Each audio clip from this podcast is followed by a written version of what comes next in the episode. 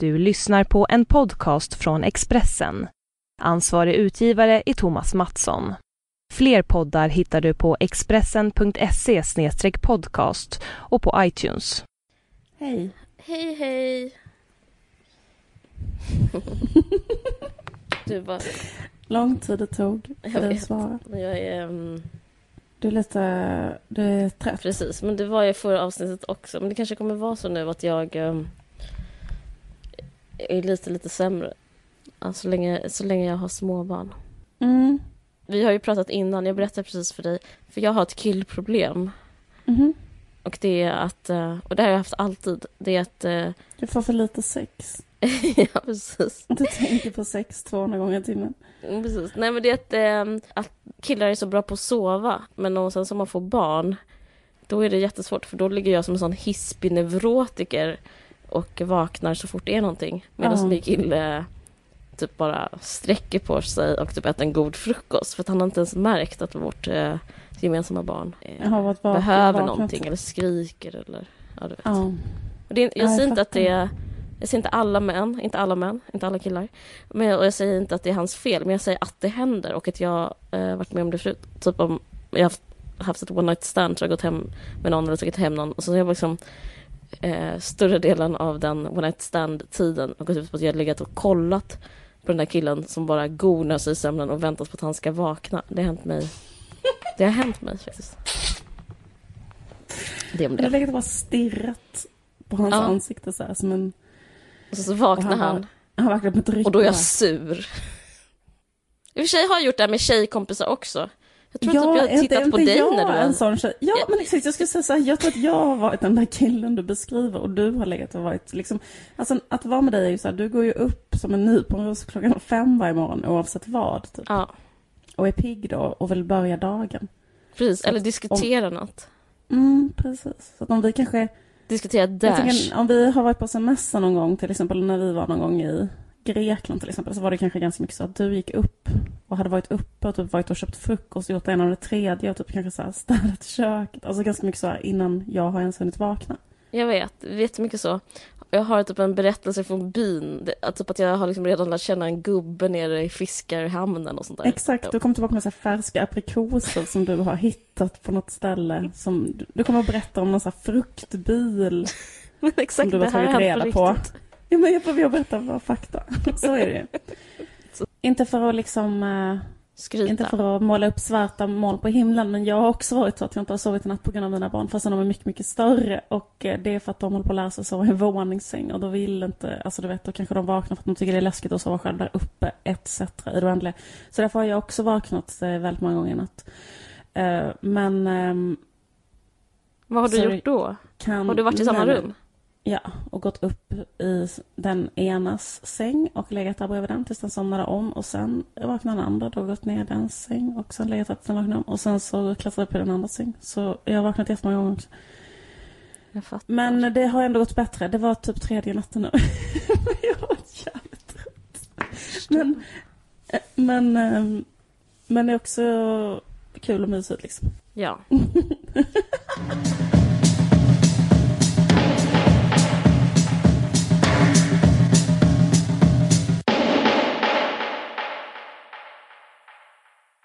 Vi har sett samma film. Det har vi gjort. Vi har sett en film som heter The Diary of a Teenage Girl. Mm. Den har regisserats och adapterats av Miriam Hellner. Säger jag Mm. rätt nu? Och Phoebe Glucker, heter hon så, som har skrivit... Phoebe Glockner har Glockner. gjort själva albumet som det är baserat på för länge sedan. Förlåt. Alltså seriealbumet är länge sedan. Jag jag. menar inte som härskarteknik. Det är alltså en... Eh, vad fan kallar de det på engelska? Alltså det är en eh, tecknad novel, typ. Graphic novel. Graphic novel heter det, ja. Vad skulle du som serieexpert säga på svenska? Ja, alltså jag har ju läst den här eh, Diary of a Teenage Girl och den är liksom, det finns serier i den fast ganska mycket partier är bara skrivna. Så att den är ganska mycket som att det är liksom några kapitel som i en vanlig bok, sen kommer det en serie, sen är det några kapitel som är skrivna som en vanlig bok. Mm. Sluta inte Så- lyssna du bara för att vi säger att det är en serie också. Jag skojar. Förlåt Malmö. Men jag har inte läst serien. Vi har ju, det, det är ju en film Mm. framförallt. Jag såg den eh, på, i en biosalong. Eh, helt ensam, bara jag och min bebis. Jag ammade mig genom hela filmen och eh, befallde maskinisten att sänka volymen. Det var helt underbart. Vad tyckte din bebis om filmen? Bra. Hon ger den fem Nappar. kräk av fem. Fem kräk. Okej. Fem, brö- fem glada bröst Mm. av fem. Vad tyckte du om filmen? Mm, Jag ger den också fem, eh, fem glada bröst av fem. Ja, jag också. Bra! Jag kände mig... Det var allt vad vi hade. Jag bara berätta jätte... Jag har jättemycket att säga om Ska den. jag berätta Du jättekort kan, den handlar men börja du. Det är, eh, det handlar, det är ju också liksom en själv, alltså den är ju baserad liksom på en, alltså på den här seriealbumet som också är självbiografiskt. Men det är liksom en, eh, en historia med en tjej som bor i San Francisco, va? Eller? Låt oss säga, låt oss eh, föra till protokollet att hon, en, en 15-årig tjej som Ja. heter Minnie på, som bor i San Francisco på Mm. 70-talet. Det hela börjar med att hon inleder en sexuell relation med sin mammas pojkvän. Och mamman är, Ja. spelas på ett underbart sätt av Kirsten, Kristen Wiig. Och eh, pojkvännen till mamman spelas av Alexander Skarsgård. Och Ja. eh, Båda ska föreställa 35-åringar. mm, just det. För att hon är typ är kanske är någon form av ung mamma, den här eh, mamman. För att, eh, ja, som kanske fick barn väldigt tidigt och så. Hon var, hennes backstory är att hon eh, gifte sig med en borgerlig typ när hon var 20 Mm. bast och sen så fick hon Mm. barn. Och sen så gjorde, frigjorde hon sig och i den frigörelseprocessen ingår Alexander Mm. Skarsgård, 35. Och mamman är också så väldigt influerad av liksom hippie-stämningen i eh, San Francisco Precis. på den här tiden. Liksom att det fanns liksom kanske jätteliberal inställning till droger. Det finns inte så mycket gränser när det gäller sexualitet. Alltså det är en väldigt bra tidsskildring också. Precis, det är lite, alltså det är ju 70-talet så det är mer som att det, det är efter hela hippierörelsen men mer som en sån dekadens. Det. eh, Det är som en sån rolig, eh, den, alltså komediversionen av The Ice Storm, den har säkert alla sett, den är helt, Ja, un- du har visst. sett den också väl? Den är helt underbar, där de har de här nyckelparterna och alla får på sig bruna, murriga färger och tar droger och att ingen bryr sig om barnen. Men det här är liksom, eh, det här, det här är också som den historien fortsätter Mm. berättas. Jag tycker det fanns väldigt stora likheter med de här två filmerna. Så, Mm. eh, Att man visar kuk och kokain för en sjuåring. ja, just det, typ. precis. Och typ så här, hippies som liksom fortsätter att experimentera med droger och så fastän de är liksom börjar närma sig 40 och, och är kanske en bibliotekarie och har två barn som är tonåringar och liksom så här, men att man ändå är så här håller på ganska mycket med den här grejen med också med, mycket med den här sexuella gränslösheten och så. Mamman är ju som Mm, henne mm. jättemycket att eh, liksom att hon vill Mamman vill till exempel att den här 15-åringen ska ha på sig mer liksom eh, horiga kläder och så. Att den är så här, du kommer inte ha... Precis. En rolig replik är så här, it wouldn't hurt to show some uh, waste. Alltså, Mm, måste precis. You're not gonna have that body forever, säger mamman så här. That's not very feminist of me to tell you, but it's the truth. eh, och eh, mamman är också så här, eh, typ, ehm, är så här, eh, tycker att det är jättedåligt att inte dottern är liksom sexuellt aktiv eller typ har pojkvänner och sådär. Så att mam- dottern är liksom lite Precis. utpsykad av det, att mamman är så himla liksom snygg och bra på att liksom eh, få killar och så. Och att hon själv känner sig lite misslyckad. Och på grund av det, så liksom i början är det bara att hon ser att den här jättepaja pojkvännen också otroligt bra och trovärdigt spelad av Alexander Skarsgård. Att Mm. han verkar på. Och då säger hon också en otroligt bra, rolig replik som är så här. Det var inte att jag direkt var peppad på honom men jag eh, tänkte att det är bäst att ta chansen att ha sex. Därför att den chansen kanske inte kommer tillbaka. Så typ lite Mm. på grund av det så liksom eh, ligger hon med honom då. Och sen startar de ett förhållande. Precis. Eh, jag bara känner mig så jävla tacksam. Alltså typ när jag satt där, jag bara gick från biosalongen och bara, oh, liksom jag vill typ bara tacka för att jag har fått se den här filmen. Jag var så jävla liksom i extas typ. Jag tyckte den var så Mm, den var jävla bra. Men hela liksom själva, vad ska man säga, den springande punkten eller liksom smärtpunkten, whatever, är att Alexander Skarsgård är 35 och Mm. Minnie är Mm. 15. Och det är det Mm. det handlar om, att de har två har ett förhållande. Men det handlar vidare om att hon blir kär i honom Mm. och hon vill ha sex med honom. Och, hon, eh, och han vill ha sex med henne. Han alltså blir kär de i har, också.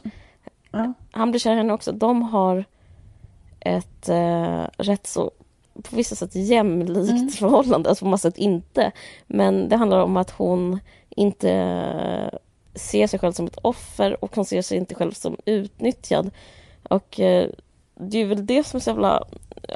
För det första, det finns en massa saker som rör den här filmen, men på det första, på ytplanet, det bästa med den här filmen är att, eh, en, en, att, en, att en kvinna då kan ha en sexuell agens eller sexuell lust och att en flicka kan ha det. Och det är, det är så otroligt ovanligt skil- skildrat att en 15-årig flicka som ligger med någon, särskilt någon 20 år äldre, att det inte är, att, att hon vill Mm. göra det. Jag tror jag aldrig sett det i mitt, det är första gången jag Mm. såg det i mitt liv. Tror jag. Hon är så, hon är typ så, det enda hon gör är att tänka på att knulla hela tiden, den här 15-åriga flickan. Vilket man brukar säga om killar. Det enda 15-åriga killar gör, tänker på hela tiden är att knulla. Men, men och det är liksom jätteaccepterat och liksom vedertaget. Men, men man brukar inte tjej, säga det om tjejer Nej, särskilt ofta. det är verkligen, uh, man slås ju av det, att man aldrig ser det. Alltså typ att hon är så en 15-årig eh, tjej som bara är kåt hela tiden och så himla gärna vill ha sex. Och hon liksom försöker ha Mm. det med andra personer också.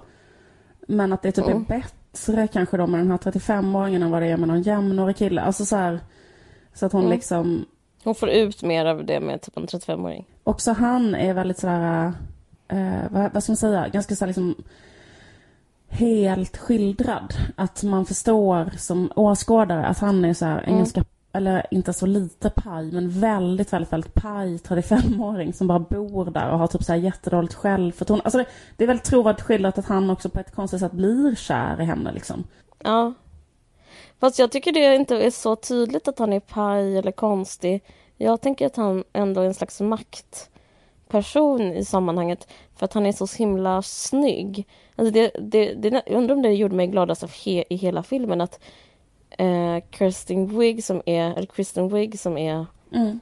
eh, att en tvåbarnsmor, att det, att det liksom är normalt att om hon blir ihop med typ en kille eh, när hon liksom så lite, Ja. eh, en tvåbarnsmor på dekis, att, eh, de, att, det skulle, att det är realistiskt att hon blir Mm. ihop med någon som ser ut som Alexander Skarsgård. Jag tyckte det var en himla underbar prognos för morsor. Även om han Alltså, ligger med den, filmen handlar ju Men- om en... eh, Alltså, Även om ja. vad sa du? Ja, men, ja jag vet. Eh, Men, men jag, jag blev ändå så väldigt peppad på att vara typ en morsa.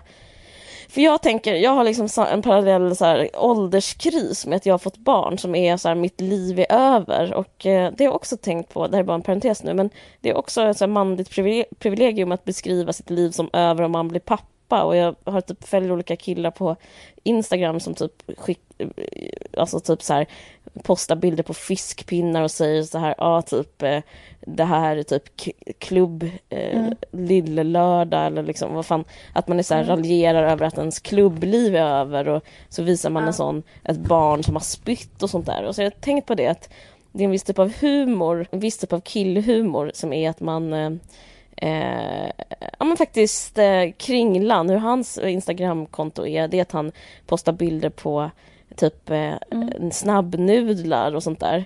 Om han skulle få barn skulle han kanske posta bilder på typ en bajsig blöja och säga typ så här eh, typ, eh, ja det blev en lyxkväll ikväll. Förlåt för att det inte är exakt bra. Mm. Mm. Men, men förstår du vad jag försöker säga lite? Ja, men att det finns, jag känner inte en enda kvinna och jag följer inte ett enda konto av en kvinna som är så här Ja, det är kul att det här blev mitt liv och så typ en sån eh, nedspydd tröja. Alltså även om det är så medvetna coola kvinnor som typ skriver om feministiska texter i massa olika, så, så är det aldrig så att man eh, säljer Nej. ut moderskapet på det viset. Att man är så här, eh, ja, en mamma på dekis och livet är slut. Men jag måste säga att eh, eller som Knausgård Mm. som skriver att han hatar att gå på rytmikkurs med sitt barn och sånt där. Sånt läser man inte så mycket av kvinnor heller. Men Eh, så därför tycker jag det känns rätt så skönt med just så här mamma på dekis, eh, eh, det lilla, lilla fönster som öppnade sig för en värld där liksom en mamma på Mm. dekis också får plats. Eh, men nu glömde jag ungefär vad jag skulle säga. Jo men det Eh, där med vad att det var bra. jag? Jag, jag håller verkligen med om att den castingen är jättebra med Alexander Skarsgård. Och jag tycker också castingen av henne är så bra Jo. i den där tjejen Minnie. Kan du googla vad hon Precis, heter? ja, men det ska Hon bara, heter Bell. jag ska ifall- avsluta. Bell Powell heter Ja. hon. Men det jag skulle säga var att jag personligen, det här är parentesen, har en ålderskris för jag tänker att mitt liv är över och att jag liksom aldrig kan Mm. gå ut och svina och ragga och gå på klubb Mm. och så som alla killar tänker när de får barn liksom. Eh, så tänker jag också. Men när jag såg den här filmen så såg jag en sån jättegammal, eh, jättegammal, jag såg eh, eh, Kristen Wiig och had- var, spela tvåbarnsmamma och var rätt så dålig eh, mor och trött och sådär, men ändå få typ så gött hot piece of ass som Alex- Alexander Skarsgård, Ja. att det är det som är en verklighetsbild. Så jag bara kände att det känns underbart att man man kan eh, få barn, man kan få till och sen kan man skilja sig och sen kan man bli ihop med Alexander Skarsgård. Så jag fick liksom personliga privata Ja. dagdrömmar om att livet inte var över. Vilket jag kan känna väldigt mycket med det att jag fått barn för att jag får en ny roll. Jag är inte en ungdom Ja. utan jag är en vuxen eh, moder helt plötsligt. Vilket för mig eh, eh, är ett steg närmare döden. Alltså det är också ett steg närmare lycka men det, det är definitivt ett steg närmare döden. Det är ett steg Mm. närmare att bli mormor än, att det, än det var innan. Liksom. Och mormor, jag undrar om mormor, mormödrar har ålderskriser men de måste ju ha det. Det är klart de har. Precis, men det är också, det är inte heller, jag har aldrig sett så mycket, många skildringar av liksom. Men, Nej. Men jag tror också det är så himla, att det säger verkligen någonting om att det är en kvinna som har regisserat och castat och skrivit liksom. ja, För att eh, hur det är castat tycker jag också att just att man har Alexander Skarsgård och den här tjejen då som är 15-åringen. Precis i början så säger hon så här. Eh, jag är inte särskilt snygg så I guess he must have been attracted to my youthfulness. mm, Ehm, det är liksom också första raden i den här eh, boken. Och det är liksom att det är också en intressant iakttagelse tycker jag, så här, när man är väldigt ung. Att så här, det finns en viss kategori killar eller män som liksom blir attraherade av en, eller gubbar, eller vad man ska säga. mm, Inte beroende på hur man ser ut, utan man, man blir typ eh, För blir föremål för att en viss typ av sexuellt intresse PGA sin ålder. mm. Du och jag upplevde ju det här på Bergmanveckan när vi ändå båda var 30 plus. Att vi var så mycket Ja, yngre än för alla fan andra vad där. underbart vara omkring. Så ibland så kan man Den vara det. Bergmanveckan var vi verkligen het, det var, Det var ju som att återgå till den rykande heta. Det Och var det sta- folk stannade in, slirade, det här har hänt på riktigt. En bil liksom slirade in och gjorde såna bromsmärken i grus, gruset på Fårö och frågade om vi ville hoppa in och då satt det en, hu- en två stycken hundraåriga män där. Ja. Vi gjorde inte det men i alla fall, jag har aldrig känt mig så poppis eh, ja. Nej men precis. vara- Att, att liksom Mm. den situationen kan vara lite beroende på ålder. Men jag minns själv det. Minns du, för jag liksom kunde återgå till det här minnet. Att vara så här. Mm. Jag kommer ihåg att vara så här ganska ful, så här kanske 14-åring så här, utan smink, Mm. som sitter med täckjacka och mössa. Man kanske är på väg till stallet liksom, eller sånt där.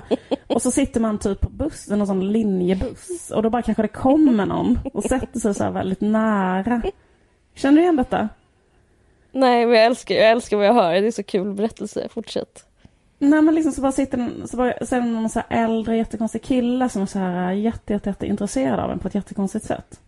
Och man är så Ja. här, det kan inte bero på att jag är snygg, för det är jag inte, I know. Alltså det är liksom inte lugnt typ. Men det är så här. Men de ser någonting som man själv liksom... Ja men för dem är det en fetisch i sig att vara Ja. Att, typ en, att man är under 15-årsstrecket Ja. liksom. Vilket det är, för det är ju förbjudet. Men, men jag var ju inte sån, jag var inte sån ful tjej i täckjacka. Jag var ju en sån snygg tjej i vita jeans som också var ihop med äldre killar och eh, blev Ja, mina Ja. pojkvänner var äldre. Jag Ja, umgicks med äldre. Jag minns att jag satt på sommaren, typ mellan, när jag var 13 och 14 i en slags lägenhet på ett ställe som heter Bruket i Simrishamn. Det är Mm. liksom för, eh, så för socialfall. mm. Och satt jag där med min pojkvän och hans, och hans äldre kompisar. Och eh, satt och drack en hel natt Alltså det är sånt jag gjorde när jag var 14 typ. Ja. Och då var jag verkligen så här hetast på stället. Men det var bara för att de var 27. Det var ju jätteläskigt men ja. Ja. Eh, jag var jättemycket sån när jag var liten. Jag blev ju hemkörd av polisen när jag var 14 och sånt där. Ja. Men det är liksom någonting med det där att man liksom bara... Eller, för, eller det tycker jag är bra med henne också, hur hon är castad, den där tjejen. För att liksom Mm. hon... Alltså att när hon säger det där, jag var inte snygg. Och så, så här, att i jämförelse med Alexander Skarsgård, alltså hade de varit lika gamla liksom, så hade de Mm. inte... Liksom, hade kanske inte han velat li- ligga med henne, eller hur?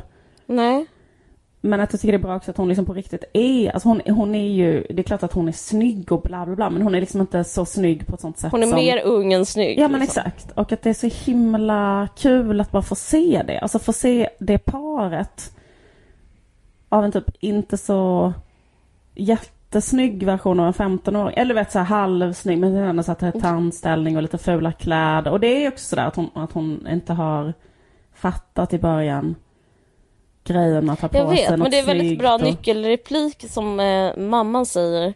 Hon bara, du vet att eh, du har någon slags makt. Ja. Bara, bara det typ att du är eh, en ung tjej Mm. med en kropp. Mm. Typ. Du vet att du kan, typ, du kan göra grejer med det Mm. där. Och eh, det har jag aldrig sett skildrat heller. Typ att man, den typ av, eh, en, an, en, u- det går utanpå hela, vad ska man säga, alltså okej, tje- kvinnor har spelat på sin sexualitet i alla tider. Det är inte riktigt det det handlar om heller utan eh, det, att hon, hon, hon är inte ett offer. Hon, hon fattar att hon kan liksom driva eh, honom till vansinne Mm. med, med sin ung sin ungdom tror jag man kan kalla det, eller sin med någonting. Hon har någonting som Alltså kvinnor är inte helt chanslösa i patriarkatet heller på något sätt. Alltså det, det är någon slags magisk grej som den här sexgrejen är. Mm. Som, som är svår att beskriva men som de beskriver rätt så bra. Och det, det, det skildras och då, det är också då man ser då Alexander Skarsgård blir eh, helt beroende av Mm. henne. Det är jättehäftigt. Men eh, jag eh, kan också känna så här att jag själv känner inte, alltså jag var alltså himla late bloomer så jag känner, känner inte igen det där att ha, alltså det som hon har då är att hon har Mm. jättestark kontakt med sin egen sexualitet och eh, Mm. är liksom en agent i det och är så här, jag vill Mm. ha sex, jag vill ha en kille som är bra i sängen, jag måste ha en som kan göra detta och detta och du vet den där grejen liksom. Eh, Men jag var inte alls så, jag var mycket mer late bloomer om min sexualitet så jag hade inte den där grejen alls. Liksom, så här, Nej. eh, typ hade i princip ingen egen så här, sexualitet skulle jag säga. Liksom fram tills jag var, alltså, jag vet inte, 27 ska jag bara. 37. Nej, men ganska länge i alla fall. Så jag känner inte alls igen det där. Alltså jag känner igen det där att man är så Men här, känner du inte igen det från när du fick den då? Jo, När du insåg vad mak- din sexiga makt Jo men alltså min sexiga makt tycker jag var en annan sak. Jag, i- i- eh, för det vet jag att jag märkte, även då när jag var, jag kommer ihåg att jag var så jätte, det har jag ett jättetydligt minne av att jag var på språkresa i London. Då var jag bara 14. Och så var jag, eh, var otroligt late bloomer, sminkade mig inte, hade liksom bara mitt hår i någon tofs och liksom var ganska så här, du vet, som man är när man är 14, liksom väldigt så här, eller som jag var då, väldigt så här, kanske pluggade och var liksom så här snäll och ordentlig så. Höll på med hästar typ. Sen gick jag en gång in på Benetton, för jag var ändå lite modintresserad. Kommer ihåg att jag köpte, fanns det liksom, var det jävligt varmt där på sommaren och då hade de en sån blommig, jättekort, tight klänning där som var av stretchmaterial typ. Då bara tog jag på mig den, gick ut på gatan för att det var varmt liksom. Och då bara, nu menar jag på riktigt, att det liksom bilar stannade och krockade typ. Alltså det är så jag minns det. Att det blev som en, vad heter det, seriekrock av bilar där utanför. Nej men typ att det var så jävla sjukt. Att det var, var Ja. omöjligt för mig att vara ute och ha på mig den där jävla klänningen för att folk Mm. blev helt tokiga liksom. Mm. Och eh, det här var ju någon jävla badort i England och det fanns skitmycket typ italienare och Bas. alltså du vet liksom den typen av stämning. Men du vet hur det kan vara ibland när man är liksom. Och det var så sjukt och så var det så här, oj oj oj tillbaka till eh, liksom mina Nike-shorts och min vita t-shirt liksom. Eh, Mm. Men det var, det är bara en konstig känsla liksom.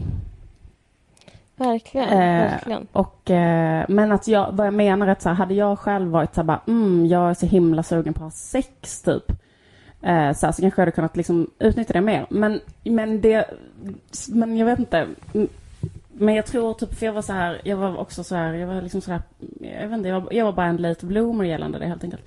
Eller hade liksom inte, eller jag, jag var liksom, jag, jag tror att det berodde på liksom hela um, jag vet inte. Alltså jag kände ju en social press att bli av med oskulden. Men om jag inte hade funnits en social press så var det ju inget som jag själv skulle hållit på och liksom jättegärna vilja göra själv. Alltså jag ville ju göra det för att jag fattade att jag skulle vara så jävla töntig annars. Men det var ju liksom inte som att det var så här, åh vad jag vill detta liksom. Så var det absolut inte. Nej. Ehm, för att jag själv är så kåt, typ. Alltså, verkligen inte. Men så är det liksom för den där tjejen. Och det kan jag ändå... Eller, och, och det tycker jag man kan känna igen. För det vet jag att jag hade väldigt många, eller liksom ändå kände folk som var så. Alltså kände tjejer som var så. Typ jätte så här... Hade jättemycket kontakt med sin sexualitet och typ jättegärna ville ha sex med folk fast de var kanske 13, eller, eller hur liksom? Ja. Att det fanns liksom, och som också, som också liksom kunde utnyttja det och var typ ganska mycket sådana go-getters som typ så här, jag vet inte, bara höll på med det. Eh, och, ehm, och det är rätt intressant, just den där jätte, jätteunga, att man är ett barn och samtidigt typ har den där typen av så här oändliga typ sexuella makt. Mm. Men jag minns det. Jag, jag, jag tror att jag hade rätt så mycket kontakt med min sexualitet och mitt utseende, eller vad man ska kalla det. Mm. Jag var så här... eh, Ja, eh, och jag minns det som att det var maktpeak då. Mm. Och jag minns, att jag, jag minns att jag förstod det då också. Och jag förstår det fortfarande. Det är, det är, det är, också, det är en sorglig känsla. Men det, men det måste du ha känt ändå. För den, alltså den här grejen. Alltså, eh, fan. Det göttiga med att vara så här. Jag är yngst här och det gör mig på ett sätt bäst här. Mm, mm, Jag är yngst och bäst. mm. Och så liksom, kunde man gå omkring med den hemligheten eller liksom... Jag var jättemycket så att jag rymde, jag rymde på konserter och sådär. Jag åkte liksom, följde med eh, och äldre människor och liksom åkte in till Lund och såg Suede när jag var 14. Mycket sånt gjorde jag. Jag rymde till Roskilde och alltså jag gjorde mycket, jag gjorde mycket sådana grejer. Mm. Och eh, kom aldrig hem och, och alltid ute på fester och sånt där. Och, och jag hade liksom hela tiden en känsla av att jag ägde världen. Det var så... Ja. Och visste att eh, ju äldre jag blev desto mindre speciell skulle jag bli. Mm, mm. Och vilket var sant. Till exempel nu, vem fan är jag nu? Det Du är som, fortfarande eh, ung på Bergmanveckan. Ja, ung på Bergmanveckan, det är det jag är nu. Det är det jag, eller gå in, jag kan gå in i en kyrka typ för att så här, gaska upp mig, men annars är det liksom... Ja, jag vet inte. Jag, det, det, det är någonting um, bitterljuvt i det också. Alltså, det finns också den dimensionen i filmen som handlar om det förgängliga och det, så här, det nyhetens behag. Att bara den känslan första gången att liksom eh, att inte förstå något. Det var också så väldigt bra skildrat att hon bara fattade inte massa saker. Hon gjorde massa slutsatser hela tiden.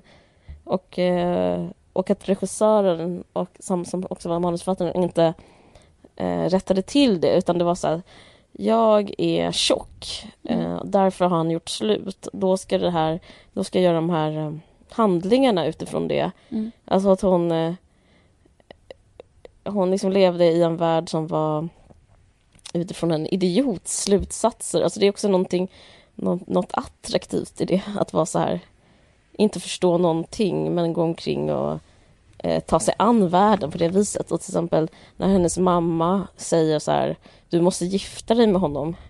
Eh, den här killen, alltså hennes pojkvän som hon har legat med. Ja.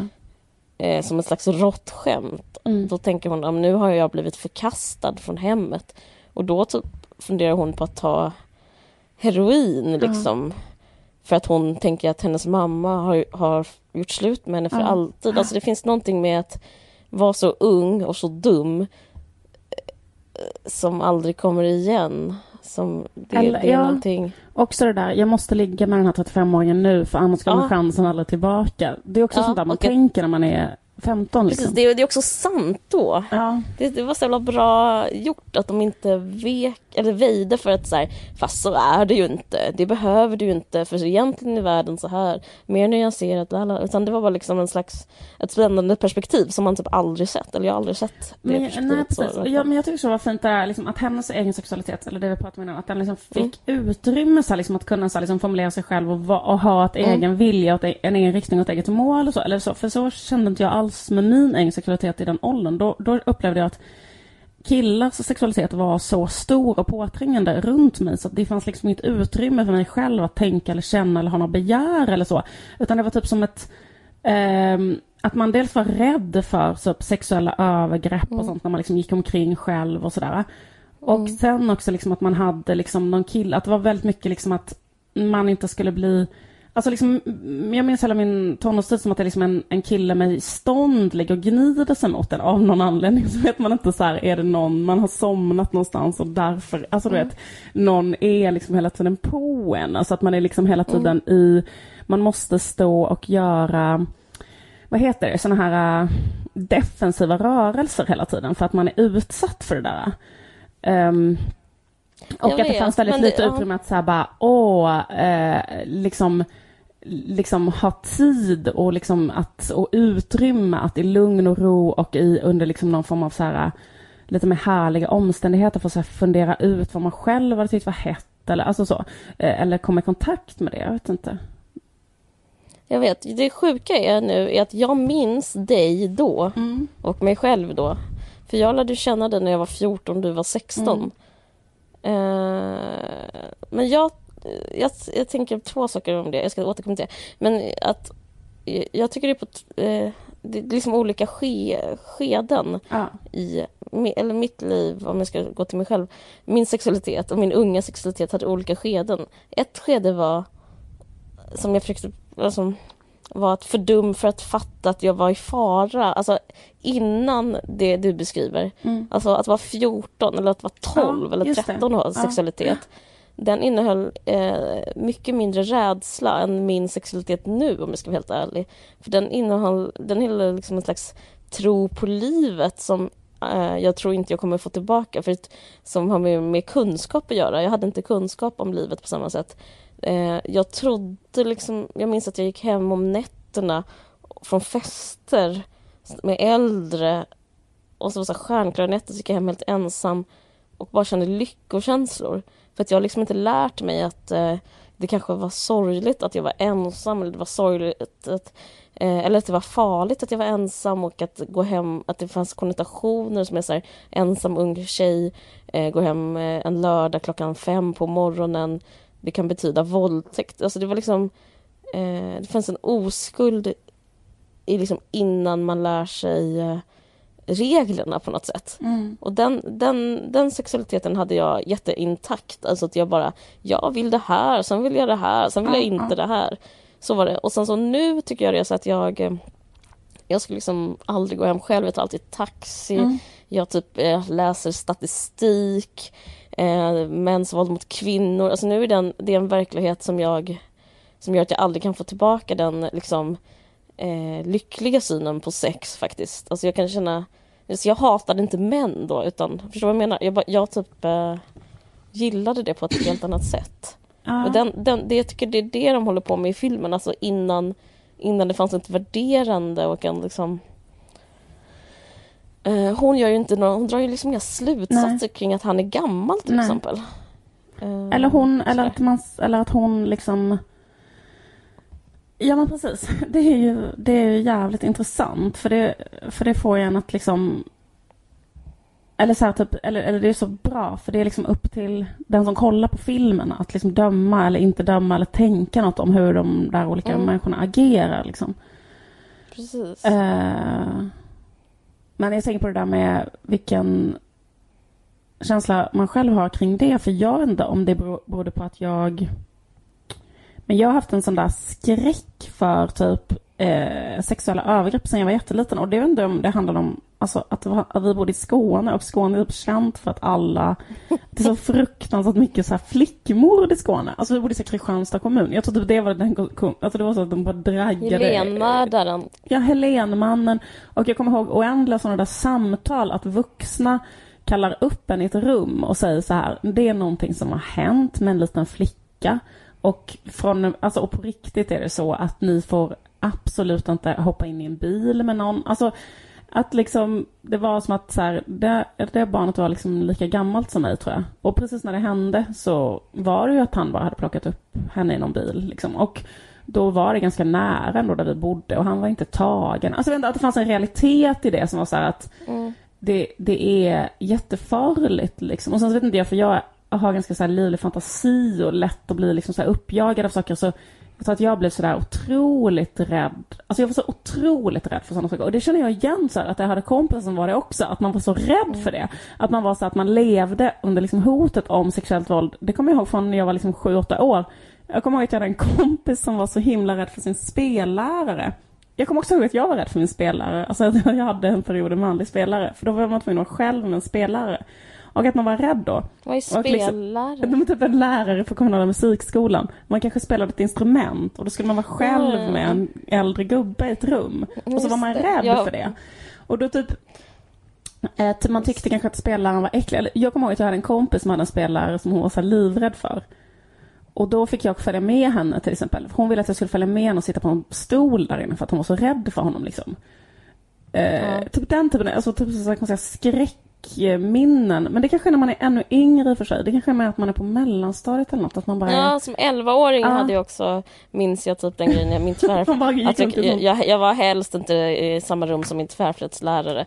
Det är också taskigt, han var, det var inget fel på honom. Nej. Liksom. Absolut inte. Men, eh, men, det är konstigt sen typ som 14-åring så hade jag liksom inga problem med att så här, men det är innan också moralen har kickat in tror jag för typ ja man kanske var på en fest med nynazister och mm. Ja men typ och hångla med någon eh, ja, 18-åring fast man mm. själv är 14 och mm. sånt. Det, det, gjorde jag hela tiden. Uh, men jag var mycket lyckligare då. Sen så blev jag olycklig och rädd för att bli våldtagen. Ja. Men jag skulle på ett sätt så... Jag, men jag minns att du sa det här till mig. Alltså jag minns det här. Vi hade det här samtalet när du var 16 och jag var 14 det kanske är för personligt, men vi kan klippa bort ja. det, men jag kan ändå säga det. Att jag minns att du sa så här om en kille som var kär i dig. Att du berättade, det här är så himla roligt när, i sammanhanget. Du berättade för mig att han så ville ligga med dig och du bara, vad fan tror han att typ jag är?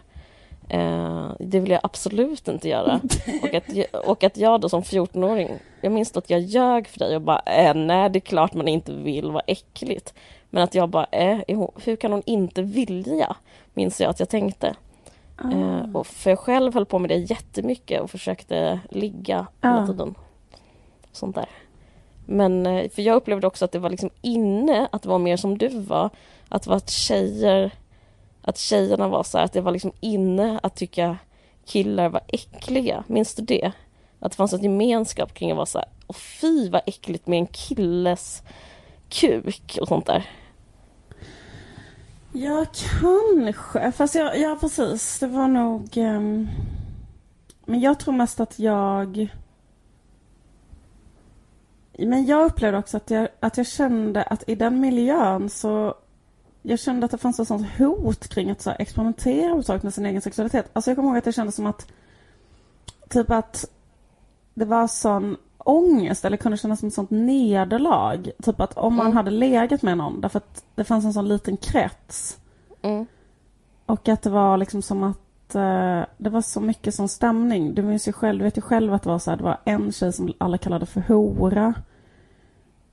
Mm. Uh, och det var liksom ett konsensus kring att hon var en hora. Källa typ att hon hade, ville ofta gå på efterfester med folk eller någon. Alltså det var liksom, alltså det var liksom på inga grunder så kunde någon bli sådär Mm, väldigt, väldigt mobbad jättemobbad och, och mm. utsatt. Mm. Och liksom mm. att det var som att det fanns en stark stämning att jag fick en sån, jag hade någon sån känsla att killar skulle vinna över en eller så här. Alltså om jag hade varit den här 15-åringen i den här filmen då hade jag direkt känt mig så här liksom utnyttjar, jag vet inte vad. Men det som är fint Mm. med henne är att det beskriver liksom oskulden innan medvetandet träder in nästan. Precis, precis.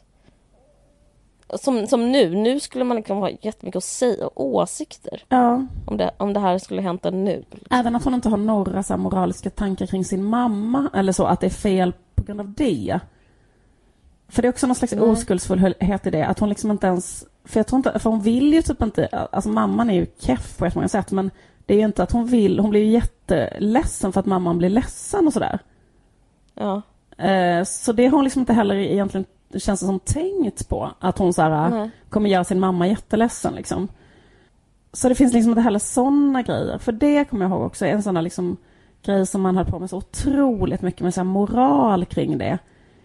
Alltså jag var så här supermoralistisk när jag var så liten. Alltså typ var så här, om en kille, om en kompis till mig var kär i en kille och den killen på något sätt visade minsta intresse för mig, då skulle jag liksom aldrig ha med honom att göra hela mitt liv. Alltså typ sån, sån, så moralistiskt, du vet, att man var så här, ingen fick vara otrogen, ingen fick göra fel, alltså det var mycket sånt där.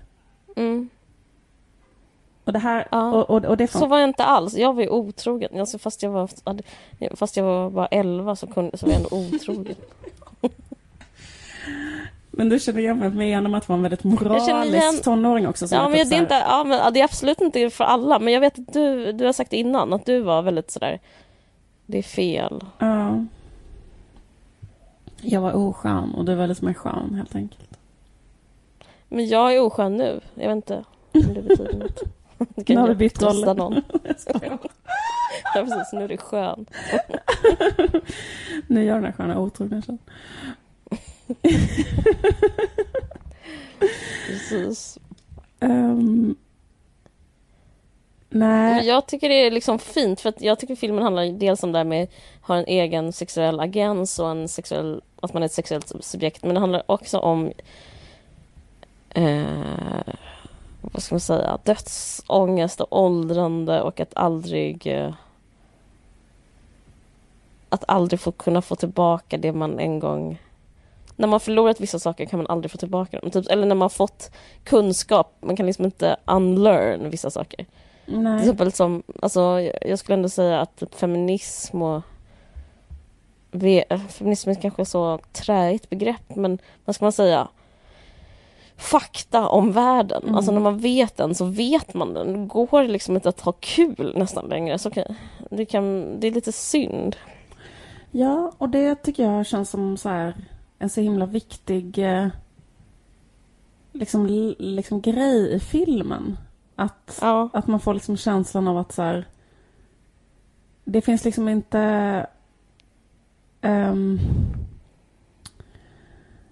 att det kan bli så himla fel. För jag menar, jag känner också att jag gick så otroligt långt i den riktningen också. Att tänka väldigt, väldigt, väldigt mycket på sexuella övergrepp och sexuellt våld och typ sådär.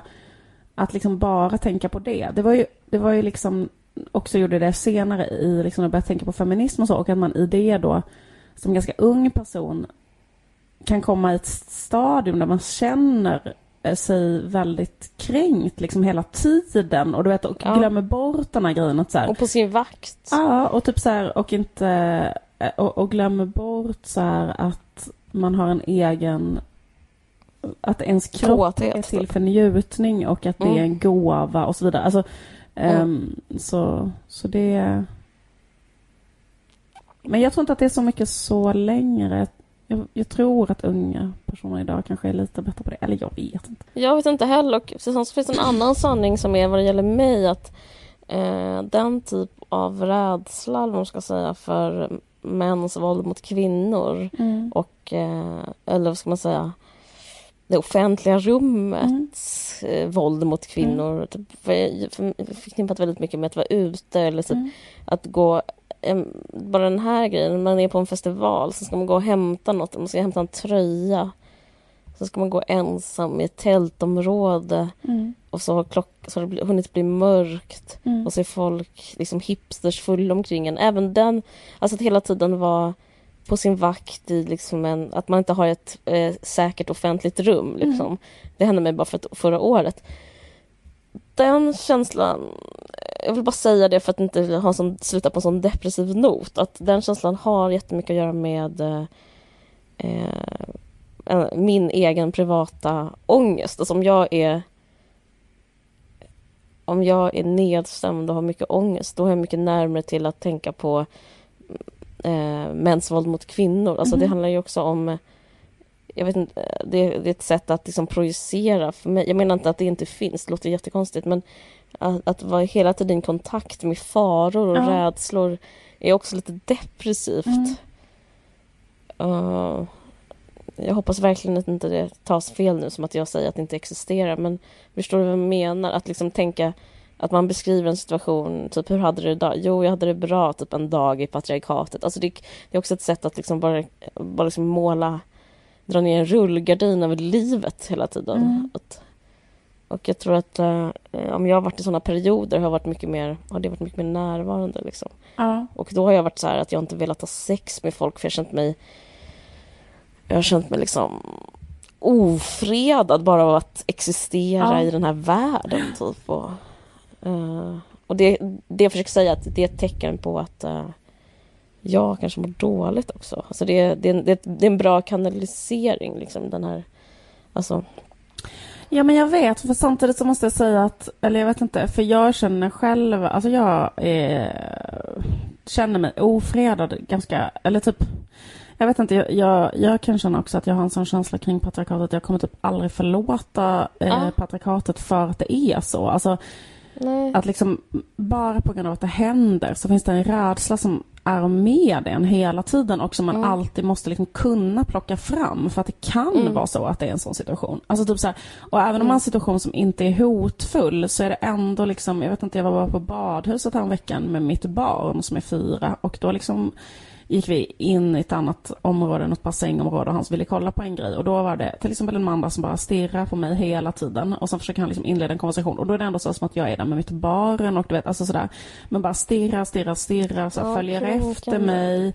Alltså du vet, ska fråga så var jag bor någonstans och du vet, och jag är där med barnet så jag, alltså du vet, så det känns som att jag vill inte, alltså du vet, och så försöker jag bara vet, gå till ett annat ställe men man, eh, eller eh, jag vet inte, jag bara, jag bara, den här känslan och sen så bara, alltså jag bara tänker vad som har hänt bara de senaste dagarna nu. Och sen typ häromdagen så gick jag hem och då var det en man på gården som precis kom in i samma trapphus och så släcktes lampan och så skulle jag gå upp själv och springa upp, det var på kvällen till min lägenhet. Eller du vet så på natten liksom. Mm. Och så är jag så här, undrar vem det var. Vad fick han in precis nu från gården? Jag tänk om han har typ tagit sig in och står där och väntar och väntar på att någon ska komma in. Alltså du vet sådär. Man tänker det mm. hela tiden för, så här, för det kan vara så, det kan vara så, det kan vara så. Mm, absolut. Alltså, så är det.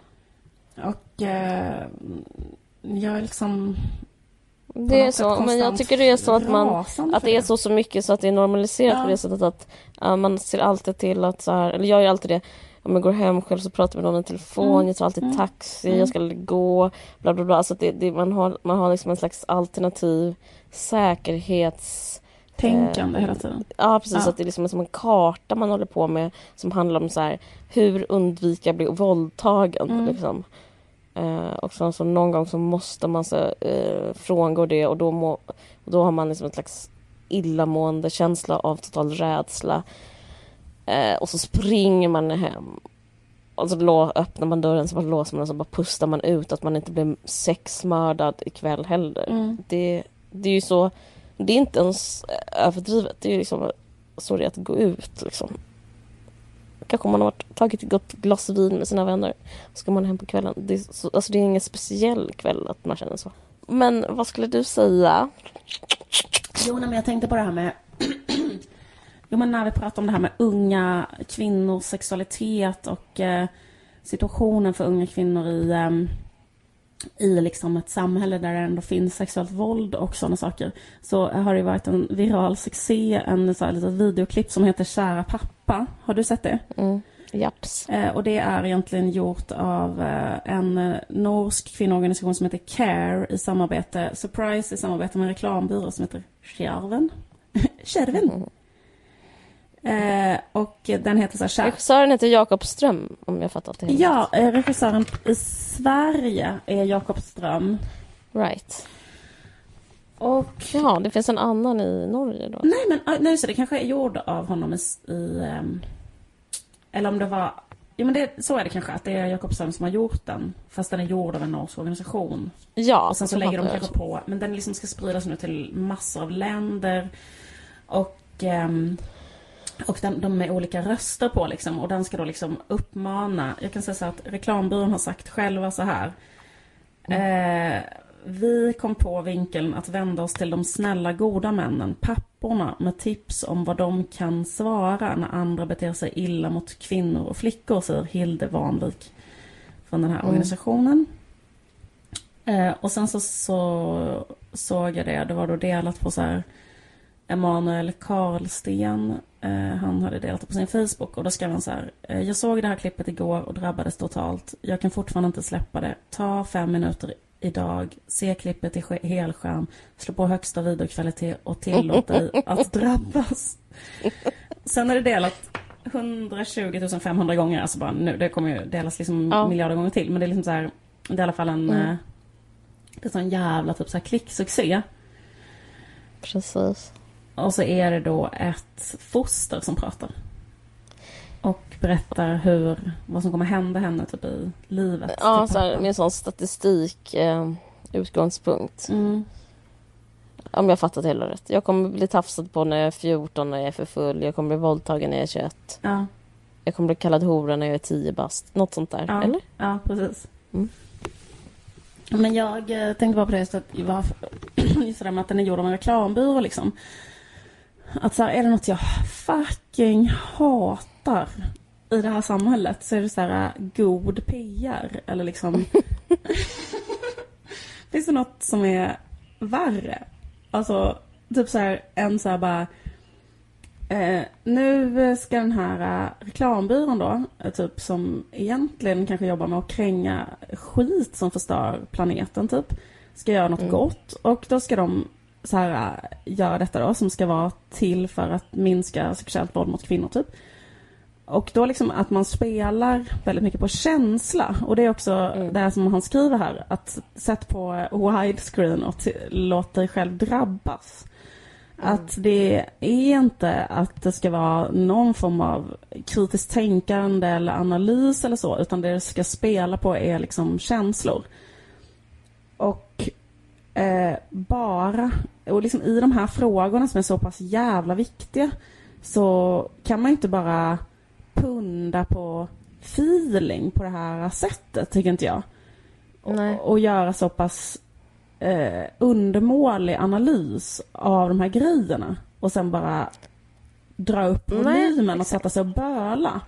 Liksom. Alltså, Det blir väldigt konstigt att, att något sånt som ska vara juridik blir liksom godtyckligt. mm. Eh, att det är upp till var och en att känna hit, känna dit. Jag Mm. verkligen med det. Och typ sådana saker som också liksom man kan känna då är så konstiga. Som till exempel i det här klippet jag inte ska spela för dig.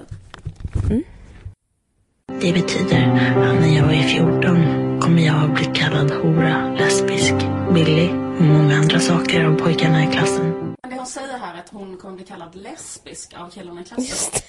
det tycker jag också är så jävla... Man bara, är inte lesbisk bara ett... Eh, förlåt för att jag inte kan ordklasserna. Adjektiv. Det är väl ett adjektiv? Eller? Ja, precis. Och, Nej, det är ett adverb.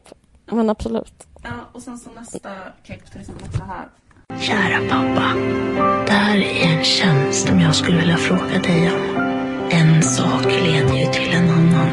Så snälla pappa, gör allt du kan för att stoppa det innan det har en chans att börja. Låt inte mina bröder kalla flickor horor eftersom de inte är det. För en dag kommer en annan pojke tro att det är sant. Det här får mig fan att se rött. Alltså typ så här, låt inte dina söner kalla andra flickor hora. För att en dag, för, för att de är inte det, punkt. Och sen så bara, det kanske de visst är. Exakt. Och sen så här, och då kommer någon annan pojke och tro att det är sant. Och det, och det är det vi ska utgå från. Alltså, jag tycker att det känns som att så här, det finns en underliggande, alltså hela vinkeln i hela den här filmen är jätteproblematisk och jättepatriarkal. Det finns en, liksom en hederskultur typ i grunden som är så här, pappan ska skydda dottern. från liksom hennes sexualitet eller från då liksom plus sexuella övergrepp men också så här att det, att det är så här um, killar kommer ta ner handen i dina trosor och då kommer, ska det också kunna vara och det kommer jag gilla typ. Alltså då skulle det också kunna vara en Mm. vinkel. Men det kanske man inte vill prata med sin pappa om. Eller liksom det är klart att utifrån pappans perspektiv i någon form av hederskultur eh, eller liksom, he, alltså, Mm. eller liksom där man har så här gamla patriarkala värderingar så ska ju en pappa springa ut med brödkaveln och spöa den odu- odågen som har gjort det. Och så är det liksom, det är det som är hela liksom, jag tycker att det är liksom en sexistisk eh, utgångspunkt i hela filmen. Det här att så här, pappan ska skydda. Och så blir jag så jävla... Jag blir... Men speciellt det där med horor. Så vad fan är, vad är problemet? Vad är problemet? Exakt. Skulle det... Is that so bad om någon typ är lite horig? Jag fattar, alltså det är jätte, jättekonstigt. Och sen bara, då kommer någon att tro att det är en hora Ja, på ja, riktigt. och är sen- det ett problem? Och det är ett problem. Och då bara så här, newsflash, det finns horor. Alltså typ så här, det är så här, och det, och det blir så jävla konstigt för då ska de här papporna hjälpa till att upprätthålla horstigmat. Lite parallellt med att de Ett ska upprätthålla... horlöst samhälle. Ja, det är exakt. jättekonstigt. Vad är Eller- poängen? Ja, vad är poängen? Exakt. Men poängen är då att de ska stoppa sexistiska skämt för att det leder till att killar våldtar tjejer i förlängningen. Ja, det är rätt så grundanalys. Ja, eller man vill ju ha en källa liksom. Och... ehm, men eh, det är också så här... eh, jag vet inte. Nej, jag vet inte. Nej, jag blev bara jävligt sned. Jag blev så jävla sned så manliga feminister. För i helvete. Jag är så trött på att klaga på er. Kan ni skärpa er? Orkar inte.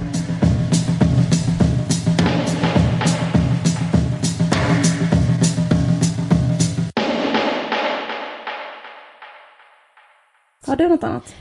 Såg du Skavlan och Chris? Stod det Chris och Madde på Nej, Skavlan? det gjorde jag inte. Ehm, jag... Synd. ja, berätta. Jag, hade, jag hade velat höra din Ja. take på det. Kan inte du berätta för mig vad som hände? Eller vad? Men, nej, men det kommer ju, det, det är jul snart. Men det här tycker jag, det här tycker jag var radikalt. Madde kommer inte hem på julen. Det tycker jag säger någonting om familjerelationerna. Hon, hon kanske också inte orkar med sina Mm. föräldrar. Vi kan tänka dig hur Silvia är liksom. Tänk att man liksom inte ens orkar stå ut en dag som är julafton då man ändå borde fira med sin familj. Eh, Jag, fick, jag känner att jag fick en nyckel. Det öppnades upp en eh, helt ny värld till hur dåliga relationer de måste ha. Ja. De stannar i London. Nej men annars så... Eh, en annan sak var att de pratade hela tiden om att de älskade att laga mat. Tror du på det? Att Madde älskar att laga mat. Madde älskar att gå på grönsaksmarknaden på lördagar och Chris säger att han älskar att laga mat. Mhm. Och sen skulle han nämna en rätt för då var Jamie Oliver Mhm. där också. Och skulle han, så frågade Jamie Oliver vilken ma- vad, din, vad tycker du Mm. mest om att laga? Då kom inte Chris på en enda maträtt. Och sa han så att råvarorna får tala för sig själv. Just att gå på marknaden är ju så underbart när man köper råvaror.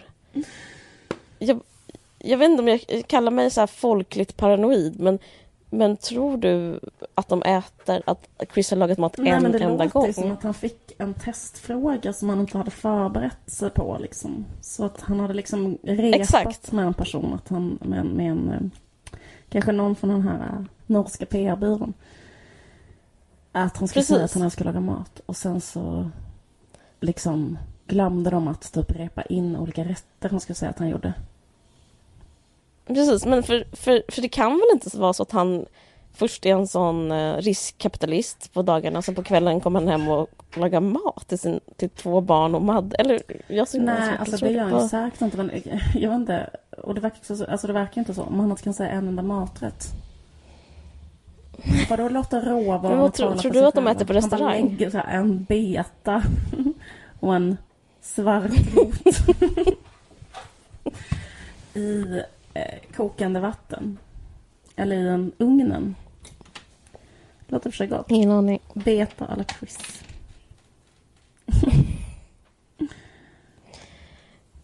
Men tror du att de köper hämtmat eller tror du de går på De har restaurang? anställda i köket som lagar mat till dem varje dag. Såklart. Betjänter. Ja, det trodde jag. För det, det trodde jag också. Varför, varför ljög de då? Ja, men de kanske har så här, och den människan kanske är ledig en dag i veckan eller något. Och då kanske han går ner där och slabbar lite. Eller? Mm. Jag kan liksom inte... Jag vet inte, jag tyckte, jag tyckte det var intressant. Ah, ja, men Mm. vi kanske ska avsluta. Vi kommer ha en, ett uppehåll i eh, en gång. Över jul. Mm, Så att Mm. vi kommer tillbaka om en månad. precis. Ehm, så det, vi, det är väl dags för oss att önska Mm. god jul. Men jag vill önska god jul och så vill jag säga om inte ens Madeleine orkar vara med sina föräldrar, konungen och drottningen, så behöver ingen känna att de har dåliga, en jobbig jul och misslyckade familjeförhållanden. Om inte ens Och kungahuset jag säger klarar bara det. att du sa de där um, negativa sakerna om serier. Jag kan, jag kan säga tre Ja, jättebra så här, debutanter som har kommit i, i år bara i Sverige. Som man kan ge Mm. också i julklapp. Mm. Ett. Julia Hansens bok som heter Det växer. Handlar om abort. mm. Två. Tack och förlåt. Av Fanny Agassi. det är min ja, kompis. handlar om hennes kompis som dog. Tips nummer tre. Ja, det är för inte en debutant. Men den är så jävla bra den boken så jag säger den i alla fall. Det är Iggy Forever av Hanna Gustafsson. Vad kul. Jag ska jättegärna jag ska Mm. kolla in det här. Eh, jag vill också Mm. tipsa om en bok. Eh, den heter typ eh, Snälla Leif och Karl. Nej, jag ska. Kära Liv och Caroline. Kära Liv och Caroline. Ja, just det. Den kan man fortfarande köpa. Uh, Mm. Okej, men vad heter det? Tack så jättemycket för att ni lyssnar. Ja, tack så jättemycket och eh, god jul. Och när är vi tillbaka? Vi är tillbaka om, alltså, om fyra veckor. God jul. God jul.